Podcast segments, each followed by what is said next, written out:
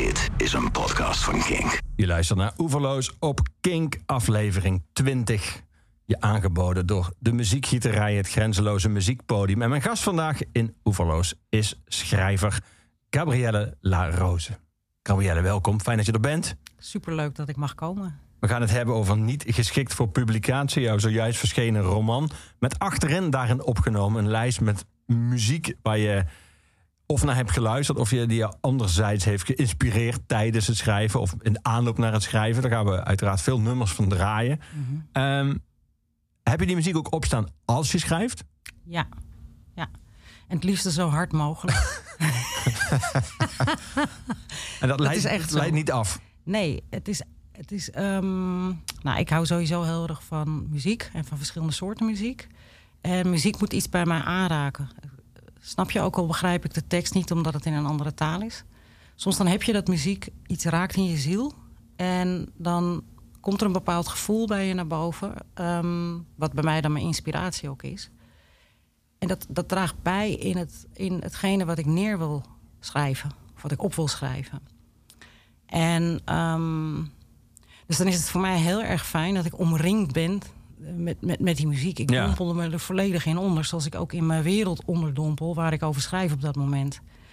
En ehm, dus ik zit dan... eh, Ik, ik schrijf het liefste in een publieke ruimte. Dus ergens... eh, Een café of zo. ja, ja, eh, maar dan tegelijk ook weer heel antisociaal met een headset op. Ja. En dan zo hard mogelijk. Dus aan het eind van het schrijven had je je boek af en oorsuizing. Ja, ik vind die pieporen. Nee. Ja. ja, ik vind dat heerlijk. En heb je dan één nummer op repeat staan? Of heb je gewoon allerlei verschillende albums helemaal of playlisten? Ik heb echt playlisten. Mm. Eh, in de bijlage van mijn boek staat inderdaad, ook Ja. zoals je al zei, staat een, eh, een playlist. Ja. Dat heb ik gedaan omdat ik... ehm, ik zou dat zelf leuk vinden. Als ik, weet je, als ik een film zie of zo, of een boek wat mij raakt, dan wil ik dat soort dingen vind ik leuk. Ja. En, ehm, en ik vind het ook gewoon een mooi eerbetoon aan, eh, aan de muzikanten, aan Ja. de mensen die het hebben gemaakt. Ehm, ook het stukje dank ook naar hun, dat, dat is het echt. Ja. En, Die playlist is heel breed. Eh, die gaat van André Hazes tot System of a Down. Eh, Ja. ehm, en wat toch wel overheerst daarin, als we het hebben over genres, is hip-hop. ja, nu is hip-hop juist voor veel mensen vaak moeilijk om mee te werken, omdat je natuurlijk heel snel naar de teksten gaat luisteren. dat het zo tekstgedreven is. Eh, daar, daar heb je dus kennelijk geen last van. Nee, ik denk ook omdat dat komt. ehm, eh, ik heb ooit eens examen moeten doen in, in Frans. Maar ik versta er nu gewoon geen zak meer van. Maar ik hou wel In de, ook in, van... de, in de formulering moeten doen klinkt dan al vrij weinig liefde voor die taal. Ja, ik vind het wel op zich... Ik vind het wel... eh, ja, ik vind het een hele poëtisch klinkende taal. Ja, Ehm, maar ik hou dus ook van Franstalige rap. ja, En, eh, maar ik versta het lang niet altijd. En ook omdat er ook in de Franse rap in straattaal wordt gesproken. En, ehm, maar ook, ja, dan is dat een bepaald gevoel. ehm, ook al is het met, met rap of met zang. Dat, dat is wat ik net zei. Dan- Dan, dan voel ik gewoon dat hele nummer. En dan is het wel zo dat als een nummer mij raakt en ik versta de taal niet. ehm, ja, dan ga ik gewoon, eh, daar hebben we Google Translate voor. ja. Dan ga ik het toch opzoeken waar het over gaat. Ook om te checken van, hey, klopt mijn gevoel bij Ja. het nummer? Dat vind ik dan ook tof gewoon. Dat je En denkt, toen dacht je, uh, Nick Damer, ja, dat dacht ik eigenlijk altijd. ja, het is, Ja. Het is echt dat je, dat je dan denkt, oh ja, ja, het klopt. Oh, wat knap. Wat knap dat die artiest, dat, degene die het heeft geschreven, dat dat lukt. En ehm, dus het leidt mij niet af. Ik heb, ehm, maar het is wel zo dat ik bij bepaalde scènes in mijn boek... ehm, zoek ik... Sommige nummers irriteren me dan juist heel erg. Dat ik denk, nee, weet je, dat... dat nee. En in, in, in, in hip-hop, in rap... ehm, zeker bepaald genre kan ook een, een soort onrechtgevoel zitten. Onderdrukte woede of, of kwaadheid, net zoals in rock, vind ik. Ja, Ehm, en dat sluit ook wel aan op het element wat natuurlijk heel erg terugkeert in mijn boek. En er is, het is niet alleen ook woede, het is ook een stukje sadness. ja, een stuk verdriet. ja. En hiphop is natuurlijk eh, uh, per uitstek in ieder geval zo begonnen. En in zekere Ja. zin in veel, op veel manieren nog steeds. Dus de, de muziektaal van de straat. En jouw boek Ja. speelt de straat en het straatleven en de straatcultuur ook een hele belangrijke rol. Ja, dat klopt. Ja, ja hip-hop is natuurlijk ja, eh, ooit ontstaan, net, net als jazz, uit, uit onderdrukking, uit onrecht, uit. eh, ja, leven ook opgroeien in, in, in armoede. In de breedste zin van het woord. Niet alleen fysiek, maar ook mentaal, spiritueel, in elk opzicht. Ja. En dat is wel iets wat, uh, wat terugkomt ook uh, inderdaad in mijn boek. Ja. En het is ook wel grappig, want wij noemen het dan tegenwoordig ook de straat, weet je, straatcultuur. Maar als je kijkt naar. Um, een van mijn vaders lievelingsboeken was uh, Kees de Jonge van Theo Thijssen. Dan denk ik, ja, dat is ook straatcultuur. Ja. Het is maar wat voor sticker je erop wil geven. Het is eigenlijk gewoon opgroeien, denk ik, in een volkswijk. Maar dat is te lang. Straatcultuur, dat klinkt lekkerder voor veel mensen, denk ik. Ja, is natuurlijk ook wel feitelijk zo dat als je het hebt over straatcultuur, je het hebt over mensen die vaak ook die te maken hebben met omstandigheden thuis. En dat kan ook gewoon behuizing zijn. En Ja. de combinatie van behuizing en de grootte van het gezin. Ja. Sneller buiten, weet je, dat vroeger heette dat buiten spelen. Dat klinkt Klopt. aanmerkelijk onschuldiger dan straatjongeren. Ja, ja. Eh, maar dat er wel een, soort van fysiek verband is tussen het opgroeien, vooral buiten je huis. En ook gewoon Ja. ook s'avonds laat Ja. buiten zijn. hangen. Ja, hangen. Ja. Ja, dat is het ook. Het is inderdaad ook buiten hangen. En, maar wat je zegt, dat is ook wel waar. Je ziet natuurlijk ook veel in volkswijken dat de behuizing inderdaad ook klein is. En dat daardoor. En het is ook, ook ja, bij veel mensen lang niet altijd leuk. Weet je, nou denk ik dat dat ook in de grotere huizen eh, vaak genoeg kan gelden Ja. dat het niet zo leuk is. En dan doen mensen hun uitvluchten weer op andere manieren. Maar ja, kun je naar een van de andere twaalf kamers vertrekken. ja, hele dure wijn drinkend en daarin eh vluchtend. Dat kan natuurlijk ook. Ja, daarover gesproken, daarover Ja. gesproken. Ik zag op jouw eh, social media de afgelopen jaren eh, foto's van jou eh, toen je aan het schrijven was. Maar zag er eigenlijk heel plezierig uit. Ik zag jou eh, in een heel warm oord. En ik zag jou toen zo een beetje op het strand. En, eh, Klopt. Ja. heb je het, het, aange- scherp. het aangename verenigd met het, eh, met het broodnodige? Namelijk hard werken met een hele fijne plek om dat te doen? Ja, nou, ik, ik heb aan dit boek heb ik echt gewoon ontzettend lang gewerkt. Ook, dat moet ik als eerste zeggen, ik heb ook een aantal jaren niet geschreven.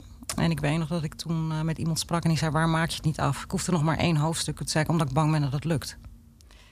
En dat, dat is natuurlijk gewoon angst. Dat is faalangst, eh, et cetera. Nou ja, goed. En ehm, ik ben daar en op een gegeven moment dat ik zoiets van... nee, fuck it, ik maak het af. Weet je? Dus dat heb ik ook gedaan. Ehm, Had je het, daar ben ik wel benieuwd. Had je het in die, die tijd ertussen, dus die tijd dat je het hebt laten liggen...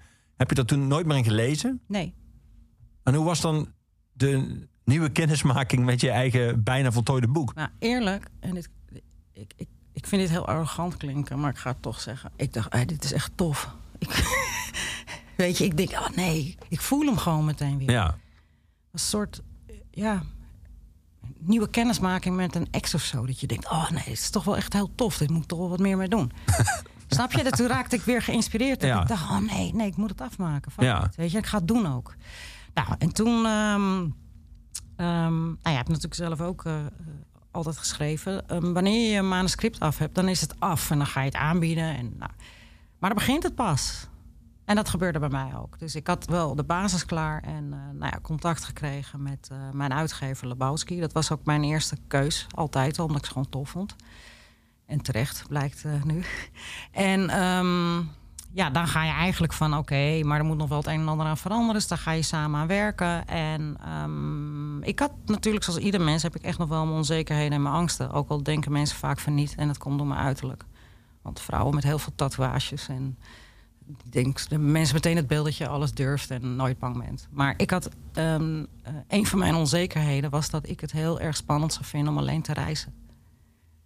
Gek hè? Ik was gewoon bang dat ik bij de verkeerde gate zou staan of zo. En ik kreeg de gelegenheid om een aantal maanden naar het buitenland te gaan. En eh, dus ja, ik denk, ja, het is nu of nooit. En dat ga ik doen. ja. Dus ik ben ehm eh, eerste maand naar eh, Aruba geweest. Waar ook een, een, een vriendin van mij woont. Die is geremigreerd vanuit Nederland.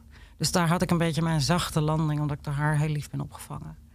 En ehm, na een maand eh, heb ik nog een periode op Curaçao gezeten. En daar was ik echt helemaal alleen. En ja, dat vond ik eh, heel spannend. En ik heb daar gewoon obsessief zitten werken. Dan stond je overal bij de goede gate. Ja, gelukkig wel. Nou. Nou, Mensen hadden echt ben je daar ook ook weer zoiets van, ja, van waar, waar- ben je dan, waar ben je dan bang voor? En dat. van, oh ja, en oh, dat je, weet je, eh, eh, oh, dat je alleen in een restaurant moet zitten. Dus ik echt, nee, dat doe ik in Nederland ook, weet je. En ja, of dat je ergens alleen naar- op af moet stappen. Nee, vind ik ook niet zo eng. Ja, maar waar ben je dan bang voor? Ik zeg dat ik bij het ver- verkeerde gate sta. Dat ik, dat ik alleen op het vliegveld sta en de weg niet ken. Weet je, als een kleuter wat, uh, wat, wat verdwaald is. Dat waren mijn grootste... Het is bizar gewoon. Maar dat, die angst had ik echt. Dus daar, ja... Kan en dat iemand Gabrielle komen ophalen bij de ballenbak? Ja, zoiets. Ja, Dat vond ik gewoon... Dat, dat, dat vond ik echt heel erg spannend. Dus dat was wel ook een hele overwinning. En ook gewoon... dat is eh, 2 in 1 eigenlijk. Je komt terug met en dat overwonnen en je boek af. Ja, Nou, ja. eh, geslaagde reis, zou ik ja. zeggen. ja, dat was ook echt gewoon wel heel bijzonder. Want ehm, ehm, ik ben ook helemaal niet wezen stappen of zo. Het was echt gewoon... En de mensen waar ik altijd zat te schrijven op Curaçao en ook op Aruba... Echt eh, nog even love naar, naar hun, want ze hebben heel goed voor me, voor me gezorgd. Maar dan, dan kwam ik daar eh, s s'morgens sporten en eh, echt gewoon de hele dag daar zitten.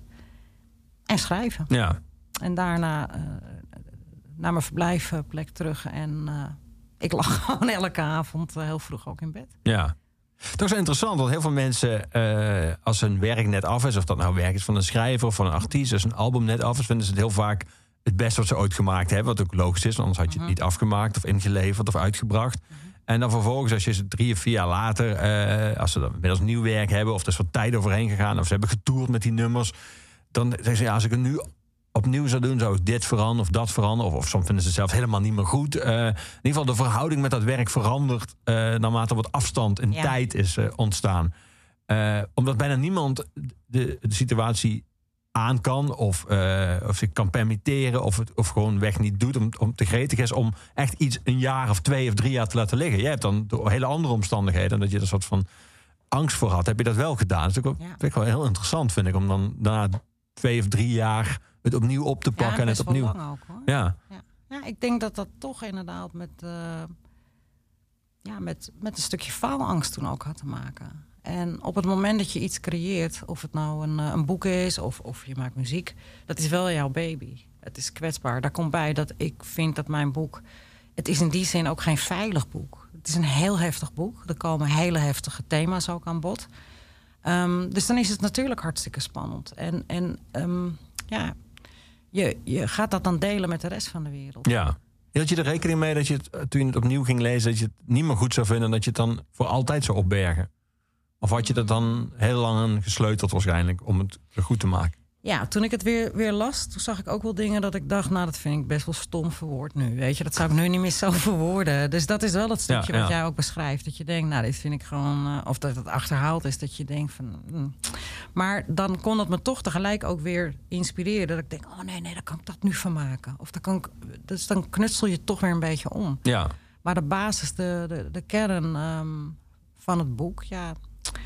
ehm, dat vond ik wel nog steeds dat ik dacht van, oh, als ik dit zou lezen als boek, ehm, ja, dat zou ik wel leuk vinden. ja, Het klinkt heel vrolijk, terwijl het helemaal geen vrolijk boek is. Maar ehm, ook omdat ik het zelf interessant vond. Er zit natuurlijk toch wel een hele dikke psychologische onderlaag in het hele verhaal. Nou ja, jij hebt het zelf ook gelezen. Het is niet alleen maar van, oh, chockerend en over straat en criminaliteit en heftig geweld en seks. Het, er zit wel een hele laag onder. En, en dat vind ik sowieso altijd wel interessant aan het hele leven. ja. Dus dat vond ik leuk en interessant genoeg aan wat ik toen al had geschreven. Dat ik dacht, nee, ik vind dit echt een tof idee. ja. Dus We gaan eigenlijk het boek zelf induiken. We gaan eerst muziek draaien nu. Eh, uit jouw playlist, uit, uit de lijst met nummers die jou eh, hebben geïnspireerd... en die je ook, ken ik dus ook, keihard draaide absoluut. tijdens het schrijven. Ehm, geen rock, geen eh hip-hop, maar een heel ander nummer. Het ijzersterke openingsnummer eh, van haar album uit 2020.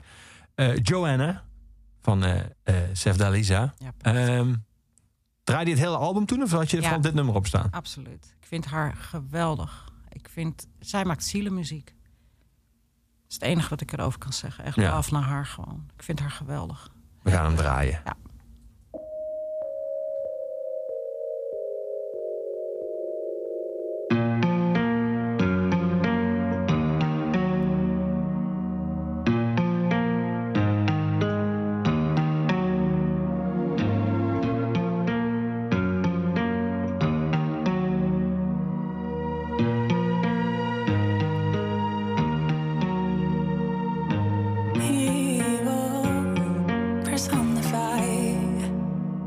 she prays. Oh.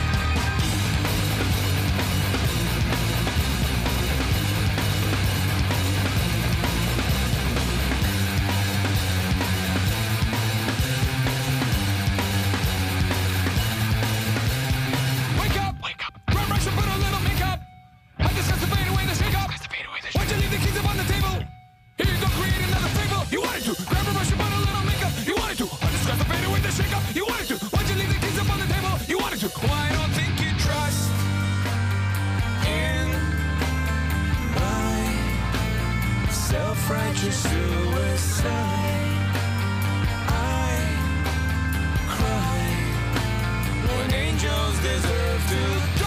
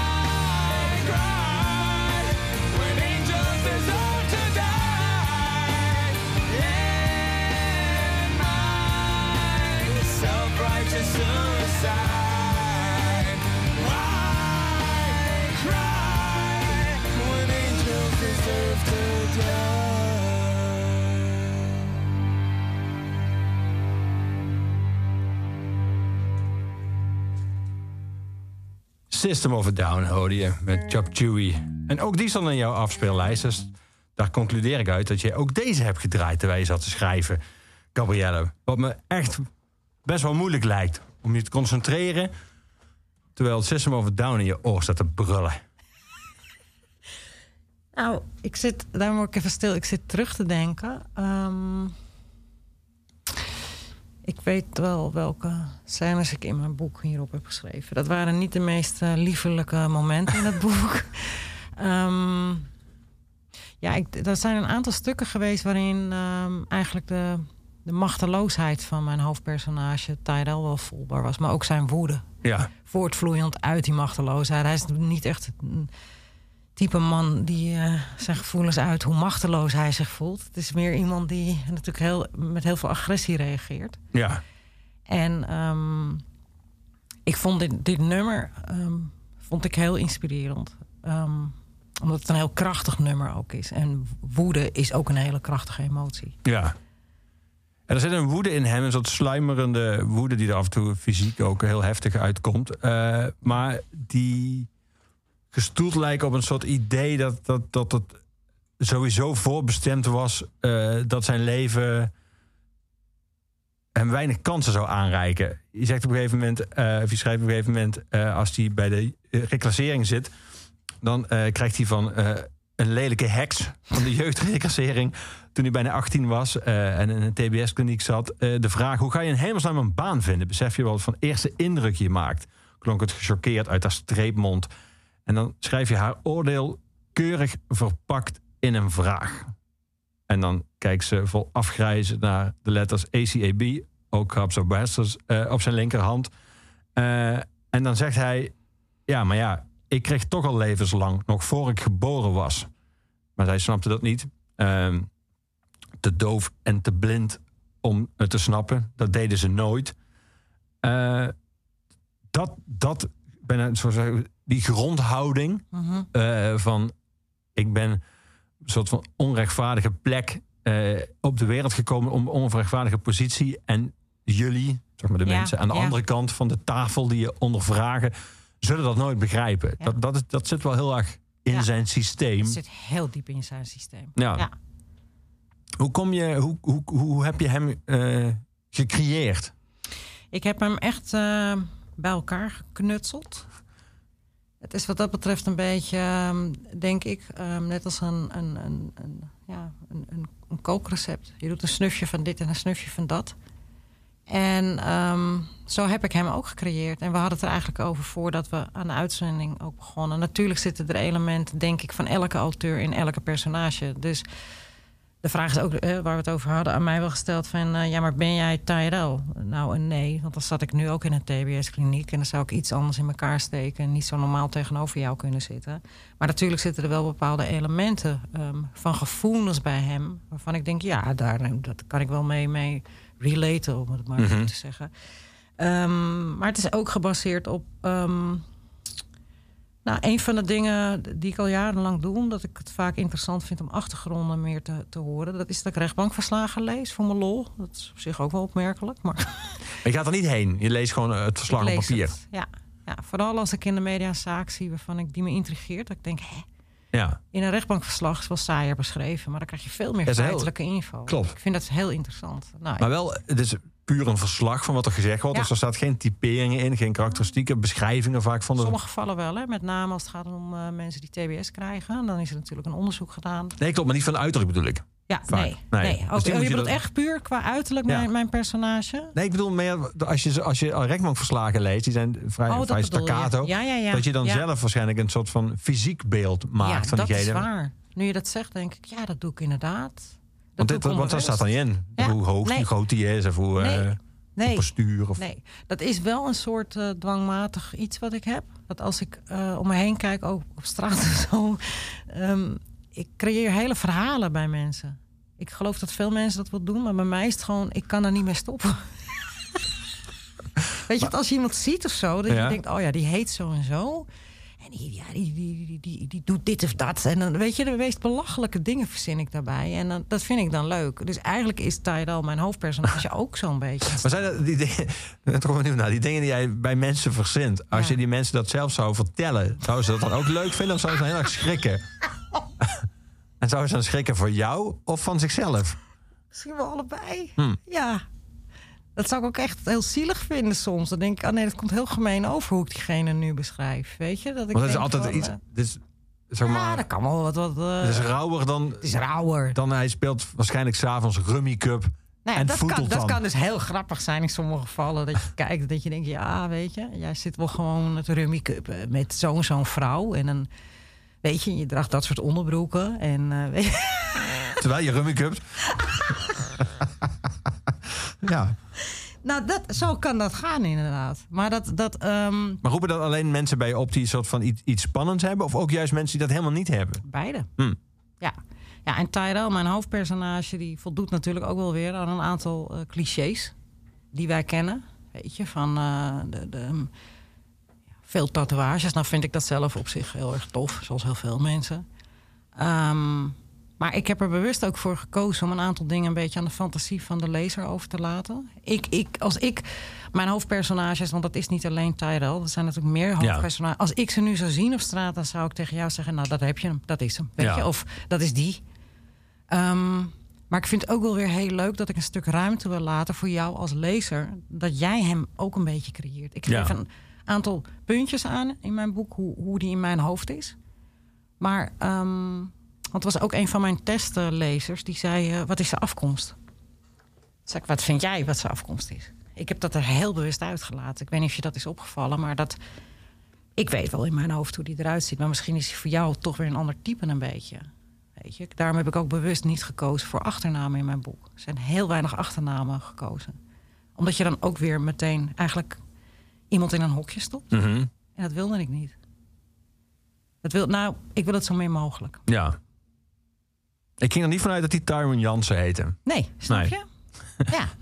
Je zei net eh, dat je sommige dingen van hem kan... Natuurlijk gebruikt hij de term relaten. Ehm je hebt schrijven in je boek... De eerste keer dat hij voor money had gevochten... was hij verbaasd geweest over het publiek. Mhm. Dat idee van jou... eh, wat eh, ja, er zijn ook voorbeelden waar dat iemand het andere uiterst heeft gedaan. Maar over het algemeen, als je iemand die in zijn cultuur zit en ook in het criminele circuit zit, geloofwaardig wil opvoeren, zul je hem een taal moeten geven die ook bij hem past. Eh, waar in zijn geval veel eh straattaal in zit, ook veel Engels bijvoorbeeld. Ehm, Ja. hoe, hoe moeilijk was dat voor jou als, als auteur? Want je wil ook natuurlijk gewoon eh, mooie zinnen maken. Ja. En wat iets anders is dan jouw hoofdpersonages allemaal mooie zinnen moeten spreken. Klopt. Maar ik kan me voorstellen dat af en toe dat je ze, dat je ze dingen liet zeggen eh, ja, die jij zelf heel lelijk vindt. Ja, absoluut.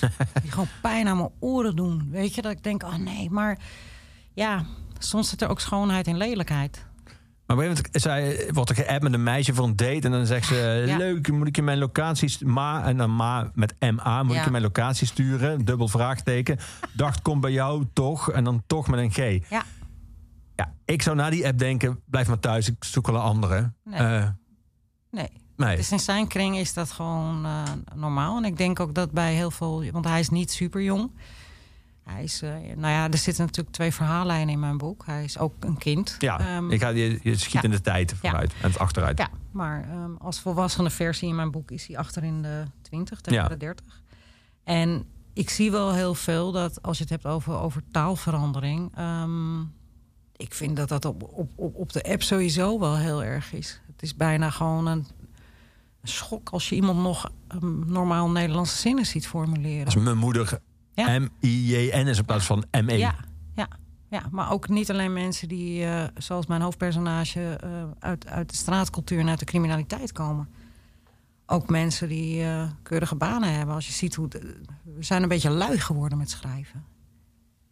Weet je, en dat, dat merk ik aan mezelf ook wel. En in mijn boek heb ik wel geprobeerd. ehm, Is het vooral snelheid, denk je? Als je als jij zegt, wacht even en ik app jou, dan is twee F's ja, is, dat doe ik dus ook. is, is sneller dan Ja. even. Maar het slaat nergens op. Nee. Als we nou even. Wat is, wat is het nou? Weet je, dat is belachelijk. Ik doe het ook, hè, die even. En dan denk ik, waarom doe ik dat nou? Want even, nou, god, god, dat scheelt me wel drie uur van mijn tijd. Dat is natuurlijk bullshit. Weet je, Ja. en toch doen we het. Ja. Alles is best wel gericht op snel. En ehm, ik vind op zich straattaal eh, vind ik lang niet altijd lelijk. Ik vind ook vaak dat het hele leuke creatieve dingen heeft. Mhm. Of dingen die ik zo belachelijk vind dat ik ze weer leuk vind. Weet je, dat kan ook. Ehm, en in mijn boek heb ik wel geprobeerd om ieder zijn eigen... Ieder mens heeft een beetje zijn eigen stijl van praten. En dat heb ik ook wel geprobeerd in bij mijn personages te doen. Want zoals de, de, de oudere personage Don. De oudere penose eh surrogaatvader van Ja. Tyrell. Dat is echt zo'n Amsterdammer. Weet je. En dat vind ik ook wel dat je... Die spreekt geen straattaal. Nee, Maar wel heel veel Amsterdamse woorden. ja. Je spreekt een soort oude Amsterdamse volkstaal eigenlijk. Precies. Ja. Ja. En ehm, dat vind ik ook lang niet altijd mooi. Weet je, in, in heel veel. eh, eh, dat heb je trouwens in het Engels ook, de dubbele ontkenning. Ja, dat heb ik nooit niet gezegd. Weet je, nooit niet gedaan. Weet je, Ja. dat, dat, dat gaat toch nooit niet. Dat, die manier van praten. En dat, ehm, ik moet daarom lachen als ik Ja. het hoor. Maar het is natuurlijk. Ja, dat is een dubbele ontkenning. Min, min is, kneuzend. is plus, dus je hebt het wel gedaan. Ja, dat komt eigenlijk, dus eigenlijk bij de politie is een bekentenis. Ja, precies. En dat vind ik dan weer het leuke eraan. Dat vind ik ook het mooie aan, aan dit soort. ehm, om dat op te mogen schrijven. Maar het, het, ik heb daar enigszins wel eh, mijn balans in proberen te vinden. Om, los van het feit wat ik toen net zei, dat ik vind dat er in lelijkheid ook heel veel schoonheid kan Ja. zitten. Het vertelt vaak heel veel. Vond jij belangrijk dat eh Tai... eh, hij doet echt hele domme dingen, Ja. maar hij is heel intelligent. Dus laat laat je hem ook onderzoeken. Even een IQ van 131. Eh, Ja. Heb je dat... Was het voor jou belangrijk dat, dat hij... eh, dat je soort van ook voelt door het boek heen... dat, dat hij een, een, laten we zeggen... Een, ook, nou, ook intellectueel potentieel heeft, zou ik maar zeggen... dat niet gebruikt wordt. Dat er, dat er een soort van idee van een verloren kans in hem zit... die je ook voelt. Nou, het is mooi dat je dat eruit gepikt, want dat was inderdaad wel een, eh, een punt. Ik denk dat het, het zijn een aantal, eh, aantal dingen.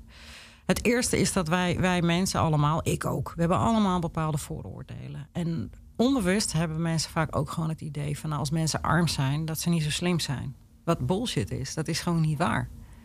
Weet je, dat, dat, ehm, eh, ehm, dat is een punt. Het tweede is dat. Hoe komt dat denk ik? Is dat eh, wat dan, eh, zeg maar, het neoliberale denken wordt gedacht van als jij arm bent, dan heb je dat kennelijk aan jezelf te danken. Ja. Ben je zelf schuld. Dus dan heb je kennelijk, dan, ja, dan heb je het gewoon niet in je om rijk te zijn. Dus dat ligt, ligt Ja. altijd, eigenlijk altijd aan jezelf. Ja, en dat is dus niet. Dat is ook een van de punten wat in dit boek natuurlijk heel erg naar voren komt. Ja. Weet je, ik, ik, en ik heb daar zelf ook niet één stellige mening over. Ik heb er meerdere meningen over. Als je het hebt over de zeven vinkjes, eh, waar we natuurlijk heel veel discussies over zijn. Dat ik denk, ja, als je dan teruggaat naar, naar Tyrell, die heeft een heel hoog IQ. Ehm, en wij zijn dan geneigd vanuit een referentiekader van oké, wat is de definitie van geslaagd zijn? Dat, dat je je- je zit gewoon op orde hebt, dat je een goed salaris hebt, dat je legaal je geld verdient, dat je een huis hebt, dat je familie blij met je is. Ja. Je bent gelukt. Maar misschien is dat zijn definitie niet van geslaagd zijn. Dus dat is ook al een punt, want dan stel je de norm vanuit jouw eigen wereld. Mhm. Maar misschien vindt hij wel dat hij het fantastisch doet. En zijn surrogaatvader Don ook. Ja. Want vanuit, zijn, vanuit hun wereld hebben ze het geweldig. Want ze hebben nul vertrouwen in de overheid. Nou, die hebben ze toch maar mooi even te pakken met hun organisatie. Ja. En ze zijn eh, zelfstandig en ze zijn onafhankelijk. Ze hoeven tegenover niemand. Snap je? Dus het is maar wat voor, wat voor referentiekader je ook hebt. Ik vind hem als mens eh, nou niet echt de meest gelukte persoon in de wereld, nee. Waarom vooral niet? Ehm, omdat, en dat is echt, eh, dat wil ik altijd ook benadrukken als mensen vragen stellen erover. Ehm, als je de vraag stelt aan mij, Gabrielle, hoe ik het persoonlijk zie. Ja, eh, dat doe wil ik bij deze. Ja, ja, Ja. Dat, ehm, dat is gewoon omdat ik vind dat hij te weinig verantwoording neemt voor de dingen die hij doet. Hij, hij legt het allemaal buiten zichzelf neer. Dat is natuurlijk ook een deel van zijn eh persoonlijkheidsstoornissen, want die heeft Ja. hij. Ja, We gaan niet verklappen welke. Dat komt wel in het boek eh, ook naar voren uiteindelijk, wat hij allemaal heeft. Maar eh, dat is een onderdeel van zijn stoornis. En tegelijk vind ik ook denk, dat ik... Ik heb me soms echt wel geïrriteerd aan hem... terwijl ik het aan het schrijven was. Dat ik denk, hé, slappe zak ben je eigenlijk ook. Weet je, kom op.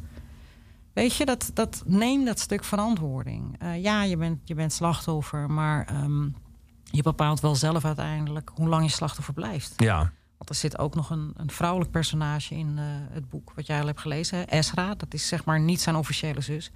En dat, je, dat heb ik bewust ook gekozen dat ik haar heb geïntroduceerd. Want daar zijn er ook genoeg van. En haar, waarom lukt het haar wel? ja. Zij, zij, hè, zij ontworstelt zich aan haar achtergrond. En ergens ziet Tyrell dat ook. Want jij hebt ook gelezen dat hij dan zegt... van jij bent eigenlijk de, echtste, de meest echte strijder van ons allemaal. ja. Dus hij, hij pakt dat stukje verantwoording. En hij gaat heel erg, claimt heel erg van je moet real zijn, je moet eerlijk zijn. Maar dan denk ik, ja, hoe eerlijk ben je eigenlijk tegenover jezelf ook? En dat, ja, dat is een beetje hoe ik het ook zie. Ja. We gaan muziek draaien. We gaan muziek draaien die, waar je ook naar hebt geluisterd tijdens het schrijven. We gaan naar eh, de band, eigenlijk het duo... eh, die de hele tour van Rage Against the Machine in Amerika en ook in Europa het voorprogramma zullen zijn. En er staat ook een- op het laatste album, en ook het album daarvoor trouwens, een nummer waar Zack Taylor Roger van Rage Against Machine meedoet. Ik heb het uiteraard over Run the Jewels. Eh, a Few Words gaan we eh, draaien. A Few Words for the Firing Squad. Waarom deze? Ja, ik denk, Ja. ik denk, ja, deze voel je toch. Dat is, het is zo intens dit. Ja, ik vind het prachtig. Combinatie ook van verschillende soorten muziek vind ik. En ja, top. Ja, we gaan naar luisteren. Run the Jewels.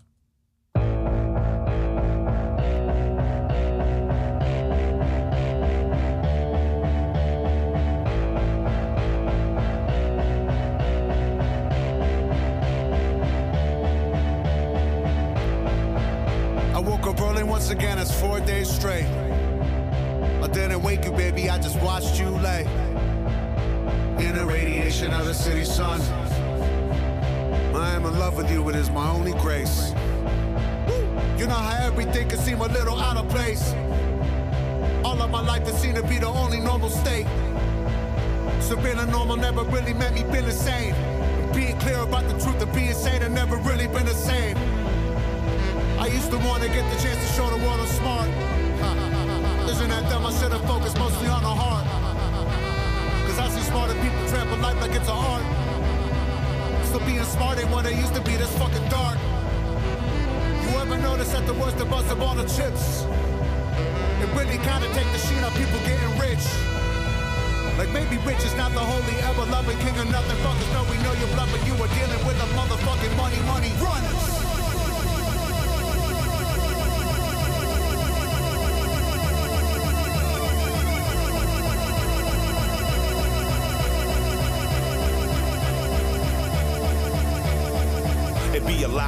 Told you that I ever disdain the fortune and fame. But the presence of the pleasure never abstained me from any other pain. When my mother transitioned to another plane, I was sitting on a plane, telling her to hold on. And she tried hard, but she just couldn't hang. Been two years, true fears, I'll probably never be the same. This is it's a chore not to let myself go insane. It's crippling, make you wanna lean on a cup of promethazine. But my queen say she need a king, not another junkie flunky rapper fiend. Friends tell her he could be another Malcolm, he could be another Martin.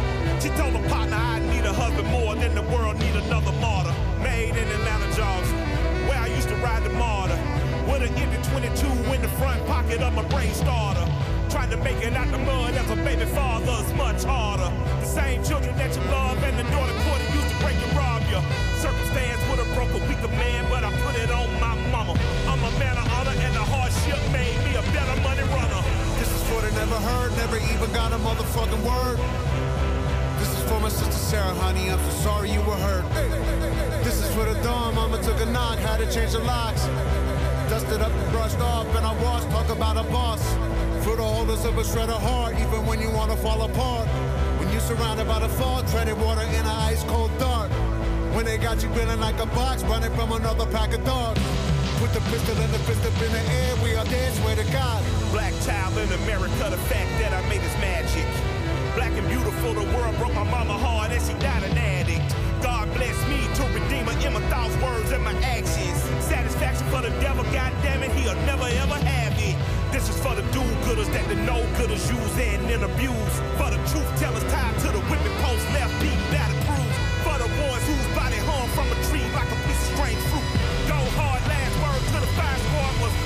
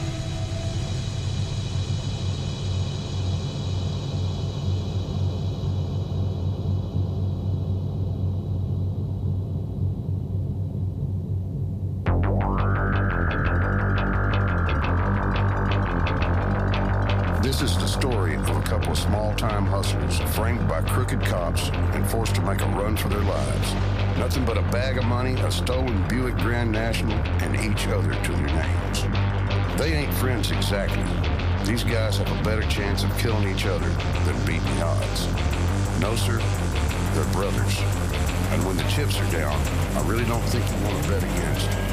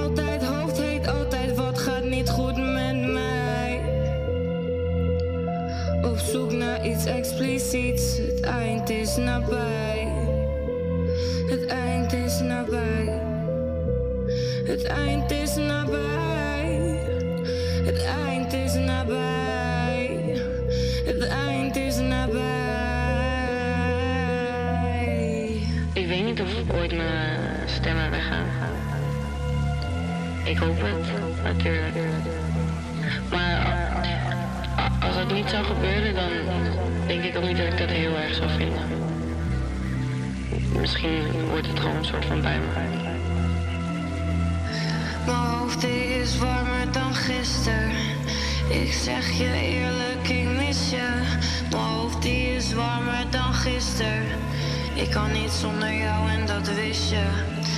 Waarom durf ik nooit te zeggen, ik ga weg? Zet mezelf aan de kant. Jij trekt en duwt, maar bij mij is genoeg plek. Maak mezelf nog van kant. Maak mezelf nog van kant. Maak mezelf nog van kant. Maak mezelf nog van kant. Die angst en leegte blijft sowieso wel, dus... Het is gewoon oké. Ja. Welke passages van jouw roman, eh Gabrielle, schreef je toen je S10 draaide met Van Kant? Ehm, de momenten waarop mijn eh, hoofdpersonage als kind en als tiener zijnde... ehm, ja, zich compleet alleen op de wereld voelde. Ja. Wat zijn moeder heeft, eh, eh, als, je, als je die passages van vroeger beschrijft, eh, ik zal even iets voorlezen. Verhuizen, alle spulletjes inpakken en de schulden, woede en het verdriet gewoon bij het grof vuil achterlaten. En dan, ja, dan zou het echt leuk worden en goed komen. Alles. Het waren mama's dromen die Tai hoorde al zolang hij zich kon herinneren. Tai geloofde ze, haar en haar dromen. Dat idee dat als je, als je maar een soort van fysiek van plek verandert, Mhm. dat je dan eigenlijk van jezelf niet meeneemt. Ja. Dat je al je shit ergens Ja. kan achterlaten. Gewoon soort van ergens anders opnieuw begint. Dat, dat is wel iets wat heel veel mensen hebben. Hè? Ja, Dat je, ja, daarom heb ik het er ook in verwerkt. Dat valt me ook op. En ik denk dat we allemaal wel... ben jij zelf honkvast? Ja, Ja? terwijl tegelijk terwijl je dit vraagt... zit ik in mijn hoofd meteen terug te rekenen hoe vaak ik verhuisd ben. Oh, en waar kwam je bij? Nou, ik denk wel een keer of acht. Dus dat is, dat is toch best wel rest. Ja, nou, acht tot tien keer. Dat is toch wel bovengemiddeld veel, denk ik. Ja, ja. En tegelijkertijd, zo voelt het voor mij niet. Maar ehm, ik vind het niet fijn om te verhuizen. Ik wil liever gewoon... En de keren dat ik weg ben gegaan... was het niet op de manier zoals het in mijn boek is beschreven. Was niet op de vluchtmanier. Want ik vind dat daar wel echt een... eh, ik zie dat vaker bij mensen. En nogmaals, ik denk dat we allemaal wel eens momenten in ons leven hebben gehad... dat je denkt van, nou, ik ben nu zo verdrietig... of het is zo'n puinhoop in mijn leven. Ik kruip wel onder mijn dekels en ik kom er nooit meer vandaan. Want Ja. dat is eigenlijk het kinderlijke wat erachter zit. En dat kinderlijke gedrag kunnen volwassenen ook vertonen... zoals de moeder van mijn, mijn hoofdpersonage, weet je. En hij gelooft dat als kind. En ehm, zo werkt het natuurlijk niet. Want je neemt jezelf altijd mee. Maar ik, ik denk wel dat, dat, ja... Ik zie best wel veel mensen, zie ik dat inderdaad doen. En, ehm, ja, En, gebeurt er ook wel eens. In de zin van, eh, zie ik wel eens voorbeelden van mensen die dat doen. Die dus uiteindelijk gewoon zo van ergens anders opnieuw beginnen. En dat dan blijkt dat als je ergens anders opnieuw begint... dat je ook echt alles achter je kan laten. Ook al je ellende. En dat je een soort van nieuwe start kan maken... door gewoon op een andere plek te beginnen. Ik denk dat het ervan afhangt wat je achter hoopt te kunnen laten. Ik denk dat, dat, daar, dat daar wat zit, snap je? Op het moment dat jij zegt van... ehm, ehm, eh, van nou, eh, ik noem maar een gek voorbeeld... wat ik niet ken uit mijn eigen ervaring, hoor. Maar ik, ik zit dan te fantaseren. Ik denk, nou, ik kan me best voorstellen... als jij ergens samen hebt gewoond met een geliefde... en iemand eh, komt daar bij wijze van spreken in dat huis... op een, op een nare manier om het leven... of die, eh, heeft, die, die sterft of je hebt daar, ja, wat voor reden dan ook iemand komt weg te vallen, dat je denkt van nou, ik wil hier niet meer zijn. Ik associeer hier alles zo erg met, Ja. met hetgene wat mij pijn doet. Ik wil opnieuw beginnen. En dan denk ik, ja, prima. Of eh, dat je leven, dat je je ontworstelt aan, aan je achtergrond, zoals ook mijn personage Esra in feite doet. Dan kan ik me wel voorstellen. Maar ik denk dat het verschil is dat je eh, wat je vertrekpunt is, letterlijk en figuurlijk. Als jij werkelijk gelooft dat je je trauma's en, en, en je verdriet eh, achter de deur laat, als je die voor de laatste keer achter je dicht trekt, dan, ja, dan kom je denk ik van een koude kermis thuis. Ja. Dat, dat, dat gaat hem niet worden. Ik ken wel mensen die het hebben gedaan waarbij ik denk, ja, een, een nieuwe start kan zeker goed zijn. Ja, maar zoals het in mijn boek beschreven is, dan denk ik, ja, dat gaat hem niet worden, joh. Nee, Nee. nee.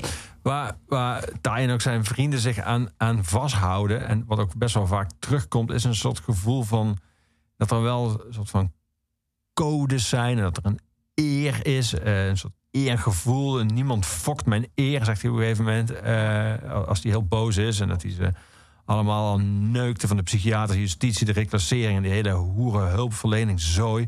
Eh, en dat hij ze niet geloven dat hij, dat hij meeging met hun eh, gedachtegoed. En dat hij uh, Ja. veranderde. En dat hij ze eigenlijk gewoon een soort zeik zat te nemen. En dat ze wat wijs maakte. Maar dat gevoel dat er een soort van erecodes bestaan. Dat is natuurlijk iets wat je heel vaak hoort. En ook heel vaak Ja. leest in eh, welke verslagen. Nou goed, jij hebt heel veel rechtbankverslagen Ja. gelezen van, eh, van criminelen. Die hebben een soort van morele houvast in de vorm van. Ja. Ja, maar dit zouden wij nooit doen, want wij hebben codes. Eh, hoe, Ja. hoe, hoe, hoe, hoe kijk jij naar die codes? Zijn, die, Ehm, zijn dat inderdaad morele bakens? Of is dat eigenlijk een soort van, bijna een soort van morele witwasmachine? Van, dat je altijd kan zeggen, ja, maar ik zou dit en dit nooit doen. En vervolgens alle andere dingen wel. Ja, dat is een. ehm, ook dat vind ik wel weer interessant. Het is eh, ook weer wat voor eigen referentiekader je hebt. Vanuit ehm, los even trouwens van rechtbankverslagen ken ik gewoon echt wel heel veel mensen uit heel veel verschillende werelden. Waardoor ik het ook interessant vind om met mensen te praten. En ook wel mensen waarvan ik weet dat ze zo denken, eh, zoals in mijn boek beschreven Ja. is. En ik, ja, dan, dan heb ik wel ook zoiets. ehm, dat ik ook wel vraag van ja, maar is dat nou eer of is het gewoon een big ass ego wat je hebt? Weet je, want vanuit mijn wereld en mijn gevoel, mijn perceptie is dit gewoon ego.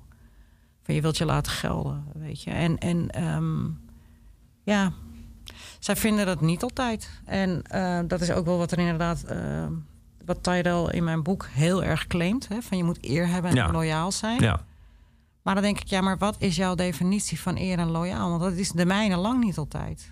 Eh, in een aantal opzichten ook dat ik. Maar natuurlijk, ik snap mijn hoofdpersonage. Ik snap hoe hij denkt. Wat niet wil betekenen dat ik denk van ja, maar zo denk ik ook. Want ik sta lang niet achter alles. Maar eer en ego ehm, is net zoals respect en angst. Dat loopt heel erg door elkaar eh, binnen de. eh, ehm, nou, het is niet alleen volkswijken of straatcultuur. Ik denk dat het ook vooral iets is uit de criminele wereld. Mhm. Dat je gewoon kijkt van, weet je... Ja, maar nu heeft hij respect. En ik zei, nou, nee, hij is bang. Ja, is respect. Ik zei, nee, ik vind dat angst. En hij claimt dat heel erg in mijn boek, inderdaad. Weet je, van... eh, maar ook een soort opgeblazenheid die willen neerzetten. Inderdaad, van ja, niemand fokt met mij. Weet je, alsof je dan gelukt bent als mens. ja. En dat zegt weer wat over zijn wereld en zijn gedachtegang... en zijn gevoelsleven of het gebrek daaraan. Ja, en het is natuurlijk ook heel erg wat je definitie is van fokken. Sommige mensen willen je helpen, Precies. andere mensen willen je misschien Ja. corrigeren. Als je het allemaal als fokken ziet. Ja. ja, dat diep gewortelde wantrouwen waar het gesprek Ja. mee begonnen. Ja. Van, van wij tegen hun. Ja. Ik tegen de rest van de wereld. En het, er zit ook vanuit zijn perceptie, als je kijkt waar hij vandaan komt. En in dat boek wordt het natuurlijk helemaal afgepeld hoe hij eigenlijk waar hij vandaan komt. Ja. Wat er ooit allemaal is gebeurd in zijn jonge leven. En dan is het ook weer de interessante discussie van ja, maar is dat dan een excuus? Voor mij persoonlijk niet. Het vormt een uitleg. En ehm, ja, ik heb het natuurlijk zelf geschreven. Dus ehm, ik snap hoe hij zo is geworden. Dat begrijp ik wel. Of ik het goed vind, nou nee. Maar ehm, dat diep gewortelde wantrouwen tegenover uh, Hunnie, om het maar even zo te zeggen. Ja. Je, dat, dan denk ik, ja, maar ook als je kijkt naar hij, waar hij vandaan komt als kind zijn, dan wordt dat ook gevoed. Ook al door, door zijn opvoeders. ja. En dat is, vind ik heel erg triest. Want je, je voedt een kind op al ehm, vanaf jongs af aan met wantrouwen.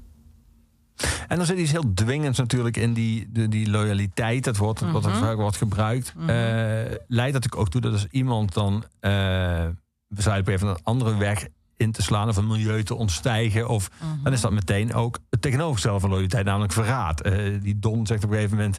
eh, het is een goed jongen, verraad komt nooit van je vijanden. Dus het is altijd Ja. een idee dat als iemand dat, dat het is een soort wereld waar je niet uitkomt ook. Want als je er wel uit zou stappen, dan ehm, ben je een verrader. Een ja. snitch of een overloper. In, in dit geval ehm, eh, is er meer mee bedoeld... eh, van verraad komt nooit van je vijanden in die zin. Een vreemdeling kan je nooit zoveel pijn doen. nee, Dat, dat is denk ik dat is de eerste insteek. Van, Ja. van, hè, ehm, je kan ook niet verraden worden door een buitenstaander in die zin. Dat, eh, ja, dat, dat voelt anders of zo. Althans wel het soort verraad wat beschreven wordt in, Ja. in, in, in mijn boek. Dat is één. Ehm, het tweede is dat ik vind dat zelf wat ik om me heen heb gezien en nog steeds zie, is dat stuk loyaliteit. Ik vind dat heel dubbel. Dus ik ben dat ook wel met je eens. Weet je? je ziet ook op een gegeven moment aan het eind van het boek dat er een gesprek is tussen eh, Ezra en, eh en, en, en Tyra. ja. Want dan zegt zij dat ook. Van ja, hoe real en loyaal ben je? Weet je, waar is jouw loyaliteit? En dat zie je ook natuurlijk wel vaak genoeg bij, ehm, ehm, nou ook bij jonge criminelen.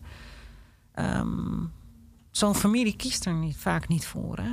En die worden er wel in meegesleurd. En op het moment dat er dan een beroep constant wordt gedaan op jouw loyaliteit naar jouw broertje of, of naar jouw zoon of, of, of eh, misschien zelfs je vader of, of wat dan ook. Ja, ehm, hoe loyaal is iemand naar jou als die constant een beroep doet op jouw loyaliteit? En dat is een vraag eh, die ik heel interessant vind, Ja. waar ik vaak een discussie over heb gevoerd. Je zei in het begin, eh, toen we eh, over het boek hadden, dat je het lang hebt laten liggen. van, Je moest net nog één hoofdstuk en dan was het, was het af. Ja. Eh, helemaal op het eind van het boek is er een gesprek met, met een hulpverlener die vraagt, die wil dingen op gaan schrijven van zijn verhaal. En komt er eigenlijk een soort van, ik zou bijna zeggen, medische verklaring. Dan krijg ik zo'n dossier te zien wat er met hem aan de hand is. Ook helemaal in de taal van, eh, van hoe zo'n dossier is geschreven. Het is echt heel analytisch en heel eh, eh, droog, zou je kunnen zeggen. Ja, Een soort droge analyse van wat er met hem aan de hand is. Ehm, waarom heb je daarvoor gekozen? Want het, het legt heel veel uit. Tegelijk kan ik me ook voorstellen dat je, dat je, dat je een soort van open had kunnen laten... wat er nou precies met hem aan de hand is. Dat je dat soort van zelf moet invullen. Ja, had ik ook voor kunnen kiezen. Is ook wel even over getwijfeld. Ik vond het zelf. ehm, ik heb ervoor gekozen. ehm, omdat ik het zelf wel interessant zou vinden. Want hij. Kijk, het boek is natuurlijk geschreven vanuit zijn perspectief. Ja. En daarbij staat de auteur, ik dan in dit geval, staat een beetje aan de zijlijn mee te kijken af en toe. Het is vanuit die perspectieven geschreven. En nu is het ook gewoon de vraag, en daarom heb ik het ook gedaan, dat er eh, door dat eigenlijk dat, dat evaluatie- en adviesrapport, wat er aan toe is gevoegd als bijlage, Ja, ehm, dat een aantal dingen toch iets anders in elkaar steken dan dat hij het heeft ervaren en gezien. ja. En dat vond ik er ook wel gewoon interessant aan. En wie is dan, wie spreekt de waarheid? Vond je, dat zelf, vond je dat zelf interessant? Je zei, ik, je las voor je lol. eh, eh, ook al toen je helemaal niet met research van het boek bezig was. Even leuk om een rechtbankverslagen te lezen. Daar zit natuurlijk ook vaak zo'n rapport in. Dan wordt bij Ja. een rechtbank opgevraagd. Dan wordt iemand onderzocht. En dan komt er een soort psychologisch rapport uit. Eh merkte jij vaak dat dat, dat soort van eh, voor jou heel veel dingen dan duidelijk maakte? Ja, dat is het ook inderdaad. Je krijgt een iets completer plaatje. Het zijn wat meer puzzelstukjes. En uiteindelijk mag jij zelf verzinnen wat jij ziet bij die puzzel. Weet je, ik weet wat ik zie en wat ik vind. En ehm, ja, ik, ik vind dat soort dingen... Ik vind sowieso forensische psychologie vind ik ook wel heel erg interessant. Ik heb alleen een hekel aan eh, studeren. En aan school zat ik vast eh, graag iets in die richting als beroep... eh, uiteindelijk ook wel willen kiezen. Waarom heb je een hekel aan studeren? Ook andere vakken dan Frans? Uh, ik denk dat het te maken heeft met het feit dat ehm, ik wel last heb van concentratieproblemen om heel lang. En ik vind vaak gewoon schoolsystemen vind ik heel vermoeiend. Ja, toch wel grappig. Ik kan me weinig voorstellen dat meer concentratie behoeft dan het schrijven van een roman. Klopt. Ja, heb ik ook wel over nagedacht. Ja, dat zal het ADHD zijn, want dat dan zit ik inderdaad in mijn hyperfocus. Ja, Dus dan is er ook niks anders, weet je. Dan zit ik gewoon letterlijk soms in het donker te schrijven. Dat ik denk van, eh, ah, ik ben een beetje duizelig. Dat je denkt, oh shit, weet je, ik heb gewoon al zes uur niet gegeten. Of zo had je ook kunnen studeren eigenlijk achteraf. Dat je gewoon Ja. met System of a Down Ja, keihard dat- op. En, en de hongerklop. een nacht in je Nou, studieboeken. Mezelf kennende, zoals ik was op school, dan denk ik dat ik uiteindelijk dan was gaan dansen voor de spiegel. Weet je, me inbeelden dat ik aan het optreden was. Dat, dat, dat, dat is die afleiding. En, Ja. eh, en- maar ik, ik, ja, ik heb ook wel veel boeken gelezen over ehm seriemoordenaars en dat soort dingen. Dat vind ik ook leuk. Ja, niet seriemoordenaars leuk. Nee, ik zou het bedoeld. Ja. Maar boeken over dat soort onderwerpen, dat vind ik echt heel erg interessant. Dus daardoor raak ik ook wel geïnspireerd. Dan denk ik van ja, als ik dit verhaal zou lezen, mm, vind ik het, ja, zou ik het toch interessant vinden van hé, hey, wat zou een hulpverlener dan zien? Als wat is hij nou precies allemaal gediagnosticeerd? En wat is er waar wat hij zelf heeft verteld in dat boek? Als je het vergelijkt met ehm, een aantal feitelijkheden die vanuit de, de, de hulpverlening naar voren zijn gekomen. En dat vind ik dan ook wel weer intrigerend. Ja. Dat ze totaal een eigen waarheid kunnen creëren. En daar ook in geloven. In hoeverre is het dan liegen? Ja. Vond je het belangrijk dat je hem eh, op eh, momenten die met seksualiteit te maken hebben, dat, je zou kunnen zeggen dat daar zijn karakter vaak echt naar boven komt. Heel veel seksscènes zijn best wel naar. Ja. Je zou kunnen zeggen dat ze soms een aanleg, nog iets soort van kinkies hebben, maar dat zijn voor verwrongen beeld van vrouwen dan hem soort van opbreekt. Mhm. Ehm, je citeert het begin van het boek ook eh, natuurlijk een uitspraak over dat juist in dat soort momenten van seks bij sommige mensen eh, sommige dingen echt duidelijk worden. Ehm, vo- vond, je het, vond je het belangrijk om, om daar soort van af en toe soort van door hem heen te kunnen kijken in die scènes? Ja, omdat ik zelf denk, dat, eh, dat legde ik ook wel uit aan mensen. Ehm, en ik denk dat iedereen die schrijft, dat, het, nou, dat die dat wel zal beamen. Het is, als je schrijft, is, is het niet zo'n hele grote kunst... om hele gewelddadige scènes te schetsen of een porno te schrijven.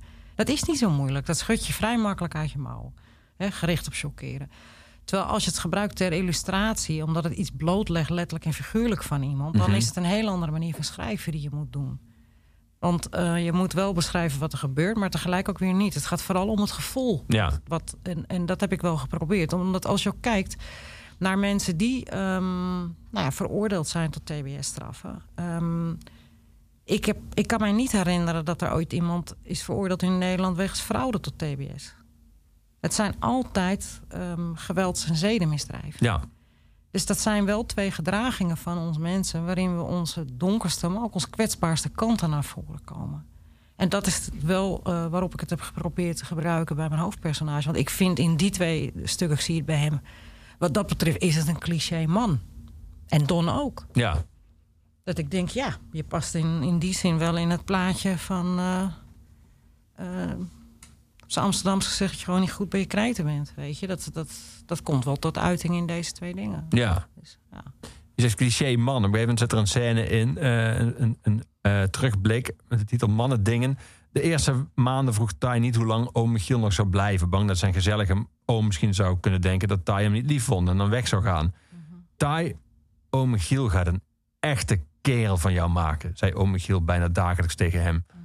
Eh, hoe kijk jij als vrouw eh, aan tegen zeg maar, hoe het afgelopen is in onze samenleving met de echte kerels? Die vallen één voor één. De oude cliché stoere man, die lijkt wel echt op zijn retour. Ja, ik vind dat. Ik heb wel een beetje te doen met jullie hetero mannen. Bedankt. Sympathiek. Nee, Zal je ik daar kan een best. Giro-nummer geven? Dan kun je daar gul doneren. Ik, ja, als ik. Ik ben opgevoed door mijn alleenstaande vader. Een heteroseksuele man. En ehm, ook wel heel geëmancipeerd, al vond hij dat zelf niet. Maar dat, dat achteraf eh, denk ik dat hij dat wel heel erg was. Ehm, ik vind het heel moeilijk om hier zomaar wat van te vinden. Want ik zie dingen dat ik denk van... Ja, tuurlijk als vrouw... Weet je, ik hoor ook best wel dat mensen zeggen van... ja, nu nee, alles is me toe. Dat ik denk, nee vriend, weet je... ehm, het is veel erger dan wij allemaal denken. Alleen dat komt nu steeds meer naar buiten. En mensen vinden dat heel lastig te accepteren, weet je. Dat, vooral hetero mannen kunnen dan heel wrevelig opmerken... Ja, je mag ook niks meer zeggen. En dat ik, weet je, en dat snap ik. En dan denk ik, ja, nee, het is... Ik denk dat we nu in een fase zitten waarin bewustwording heel erg groeiend is. En ik denk ook dat dat nodig is. Ik denk ook dat het goed is. Maar ik vind het ook wel weer een beetje lastig voor veel hetero mannen en jongens van nu. Want jullie zitten nog in die periode waarin dat bewustwording moet gaan groeien. Dat soort fases hebben we natuurlijk eerder gehad als het gaat om emancipatie ook van vrouwen. Ja. Ehm, maar ik begrijp wel dat dat soms lastig kan zijn. Ik ben zelf een heteroseksuele vrouw. En ehm, dan hoor ik mezelf soms ook uitspraken doen dat ik denk: ja, wat zit ik nou eigenlijk te zeiken? Het is ook nooit goed. Weet je, want op het moment dat een man mij volledig als gelijkwaardig mens behandelt en dat ik denk, nou, Jezus, wat een lul. Kan hij nou niet even de deur voor me open houden? Weet je? Van nou, ik wil ook wel gewoon veroverd worden door een leuke man. En hij moet wel voor mij opkomen op straat als iemand stom doet. Dan denk ik, ja, hoe geëmancipeerd ben ik dan? Grijp je? En tegelijkertijd eh, word ik helemaal wild als een man tegen mij zegt van... eh, doe je dat dan als we naar buiten gaan? Nou, dat, dat, gaan, we dus, dat, we, dat gaan we dus niet doen.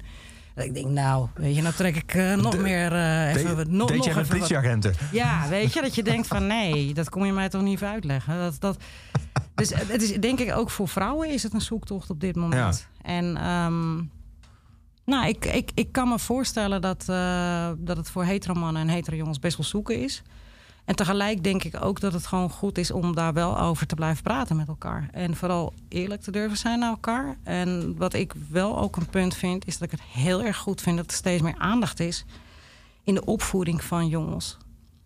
Want als je kijkt ook naar heel veel voorlichting, als het gaat over bijvoorbeeld seksueel grensoverschrijdend gedrag, eh, ook naar lesprogramma's die worden gegeven en voorlichting en dergelijke, vooral aan jongeren, is dat heel erg gericht op slachtoffers en potentiële slachtoffers. Het merendeel zijn dan dus meisjes en vrouwen. En dat ik zoiets heb van, hè, waar is, is de bewustwording en voorlichting op ehm, ehm, potentiële daders? Waarmee ik absoluut niet wil zeggen dat dat alle hetero mannen en jongens zijn. Maar het is wel de groep die het grootste is als het gaat over seksueel grensoverschrijdend gedrag. Ja. Ik denk, ga daar dan meer ook de nadruk op leggen. En dat vind ik goed. Dat vind ik een goede ontwikkeling dat er meer bewustwording is. Als typisch heteroseksuele man ga ik nu het moeilijkste gesprek uit de weg en draai ik dus muziek.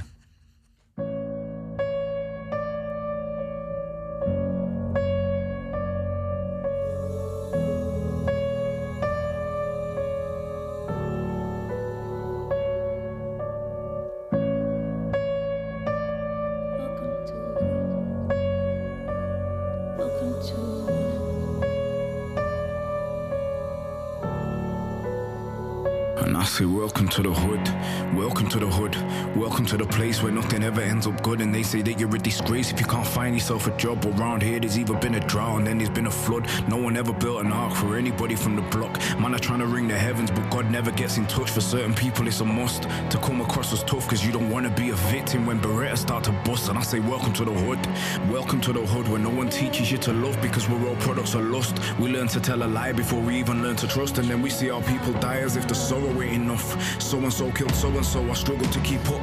A victim of knife crime, they hit him in the The press are making articles expressing their disgust, but where there's no opportunity, survival is a must. And I say, Welcome to the hood, welcome to the hood, where boredom leads to depression, depression leads to drugs, and drugs numb the pain of all the fucked up stuff that you have to see when you're forced into growing up. Nobody's responsible, everybody's corrupt, and school's a waste of time because we're learning out of books. And when you're academic, you get taken for a mug because mathematics won't help when you're in a puddle of blood. And I say, Welcome to the hood, welcome to the hood. Feels like the only thing that ever settles is the dust. We try and keep it clean, but the stress builds up, and it was all a dream until Biggie got shot. Welcome to the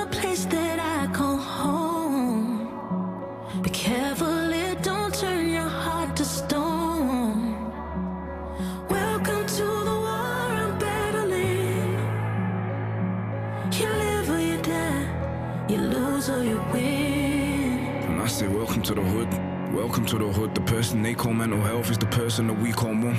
We either don't have a dad or we have more than one, and we're told to fly the nest before we even learn to run. You don't have to be a soldier here to hold a gun, and watching other people suffer is what we consider fun. Cause suffering is standard, you'll have to toughen up. At least that's what your mother tells you when she's fully drunk. People steal for a living and end up in the can. It's miles easier in jail, but you will understand. Being a criminal is not part of the plan, but how are you supposed to work when nobody will take you on? So I say, Welcome to the hood, welcome to the hood. Depression and anxiety get swept under the rug. These gangsters in your family, welcome to the club because there's plenty of gangsters in a city full of thugs. Being born into the politics of poverty is rough. You can look down your nose holes, but only God can judge. Most of us are afraid to pray to the above, cause Pac said there ain't no heaven for a thug. Welcome to the hood, welcome to the hood, welcome to the place where nothing ever ends up good. And they say they get rid of disgrace if you can't find yourself a job around here. There's either been a drought, and there's been a flood.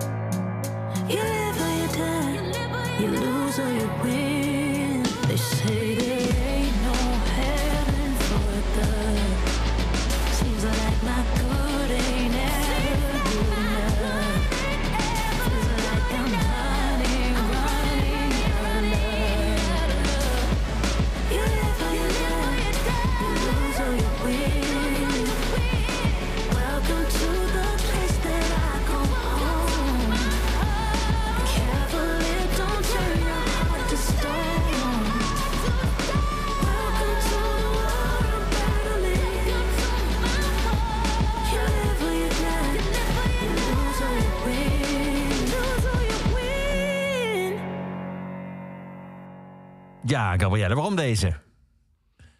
Ik denk dat het wel. eh, nou, het vertelt eigenlijk heel erg. Wel ook waar mijn boek ook over gaat. Ja, Welcome to the Hood heette die. Ja, het is, eh, ik vind het prachtig verwoord. Eh, zijn teksten vind ik heel erg mooi. Ik zei het net ook al, Ja. van wat ik ook knap vind... sorry, is dat hij scheldt ook geen één keer. Het is echt een vertelling. Ik Ja. denk wel dat dit een nummer is waarvan ik denk... dit is eigenlijk naar mijn idee wel de essentie van wat rap is. En het is vertellen over een wereld waar je vandaan komt. Ja, Baxi Malone was het, eh, die we draaiden. Ja. Ja. Nou, nogmaals, dan, ook als je niet van rap houdt... eh, het is zeker de moeite waard om deze videoclip te bekijken. Dat is zo uit het leven gegrepen daar. Dat vond ik erg mooi. Ja, bij deze. Welcome to the Hood, als je de clip zoekt. Gabrielle, eh, dit, dit, dit is eh, niet geschikt voor publicatie. Is uiteindelijk je debuutroman. Ja. Smaakt het naar meer? Ja. Ja. Ja, er komt nog een tweede boek ook, eh, ook aan. Titel weet ik nog niet. Dan komt aan, klinkt bijna alsof je er al ver in of mee bent. In mijn hoofd wel. Oké. Nu nog op papier. Nou, alles. ja, het moet beginnen in je hoofd. Dus het- als het daar al zit. Ja, ik heb wel al, eh, eh, ook wel met, met mijn redacteur daarover al gehad. Eh, ja, er komt nog een ander boek aan. Maar ik heb wel ook zoiets van, ik zal denk ik altijd schrijven. Maar jij schrijft zelf ook. Dus net zoals dat je ook van muziek houdt. Dat zijn dan van die dingen, dat is gewoon je passie. Dat je denkt, ja, al zou je alleen op een eiland zitten... dan zou je het waarschijnlijk nog doen. En dat, dat Nou, jij zat alleen op een eiland dat je deed. ja, echt. Ja, letterlijk. Ja, ja dus, dus dat... ehm, ja, ik zal altijd blijven schrijven. En ehm, ik denk dat dat ook het mooie is als je iets van eh, op creatief vlak doet. Ehm, als je vertrekpunt is van, nou, ik vind dit gewoon super tof om te doen en ik wil dat graag. En fijn als ik andere mensen daar eh, eh, ja, mee kan raken, dan is, dat, dan is dat een extra super toffe bonus. Maar het is niet je einddoel of zo. En dat is hoe ik sta ook met schrijven. Ja. Natuurlijk hoop ik dat mijn boeken goed worden ontvangen. En natuurlijk is het leuk dat je positieve aandacht krijgt. Het is ook leuk als het iets raakt bij mensen. Maar als mensen het bagger vinden, zal ik alsnog doorgaan met Ja. schrijven.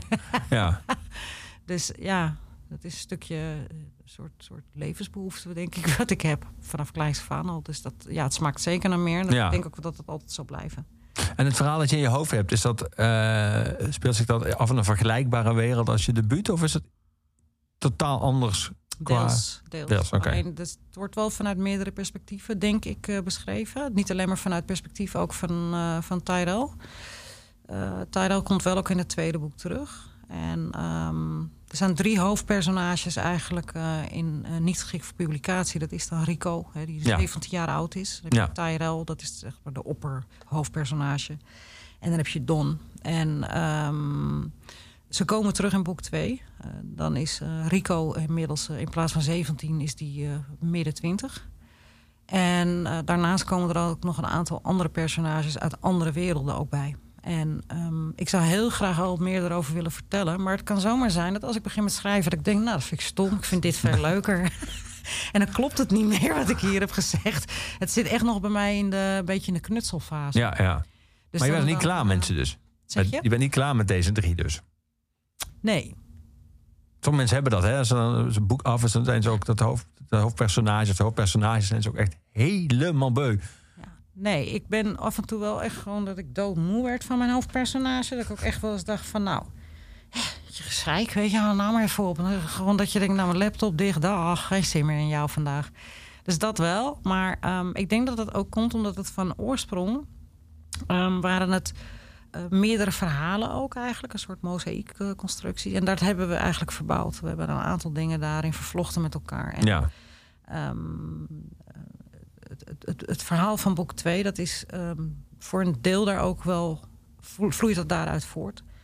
Maar ehm, er is veel meer gaat erbij komen. En nogmaals, ook dat vind ik wel echt een heel tof verhaal, zoals ik het nu in mijn hoofd heb. Ja, je gaat natuurlijk geen verhaal schrijven, stel wat je stom vindt. Maar ik weet nog niet helemaal zeker hoe ik dat. Dus ik kan er nu nog niet heel veel over vertellen. Behalve dan dat. Dat je er al best wel eh, veel over kan vertellen inmiddels. Dus, Ja, ja. ja. het is al meer dan genoeg. Hey, dankjewel dat jij er was. Ja, en Oeverloos, fijn om met je te praten. Hij ligt nu in de boekhandel, niet geschikt voor publicaties, uitgegeven door Lebowski, die uitgever. Het laatste woord van eh, ieder- iedere Oeverloos is aan onze postuum huisdichter aan Luc de Vos. Eh laatste nummer is altijd een nummer van Gorky. En ik zoek altijd een nummer dat een beetje past bij het gesprek. En naar jouw warme woorden voor al die heteroseksuele mannen zoals ik die zo zwaar hebben, kan ik niet anders dan afsluiten met Gorky met het troostvolle nummer voor alle heteromannen. Hier is Gorky met Arme jongen, de redding is nabij.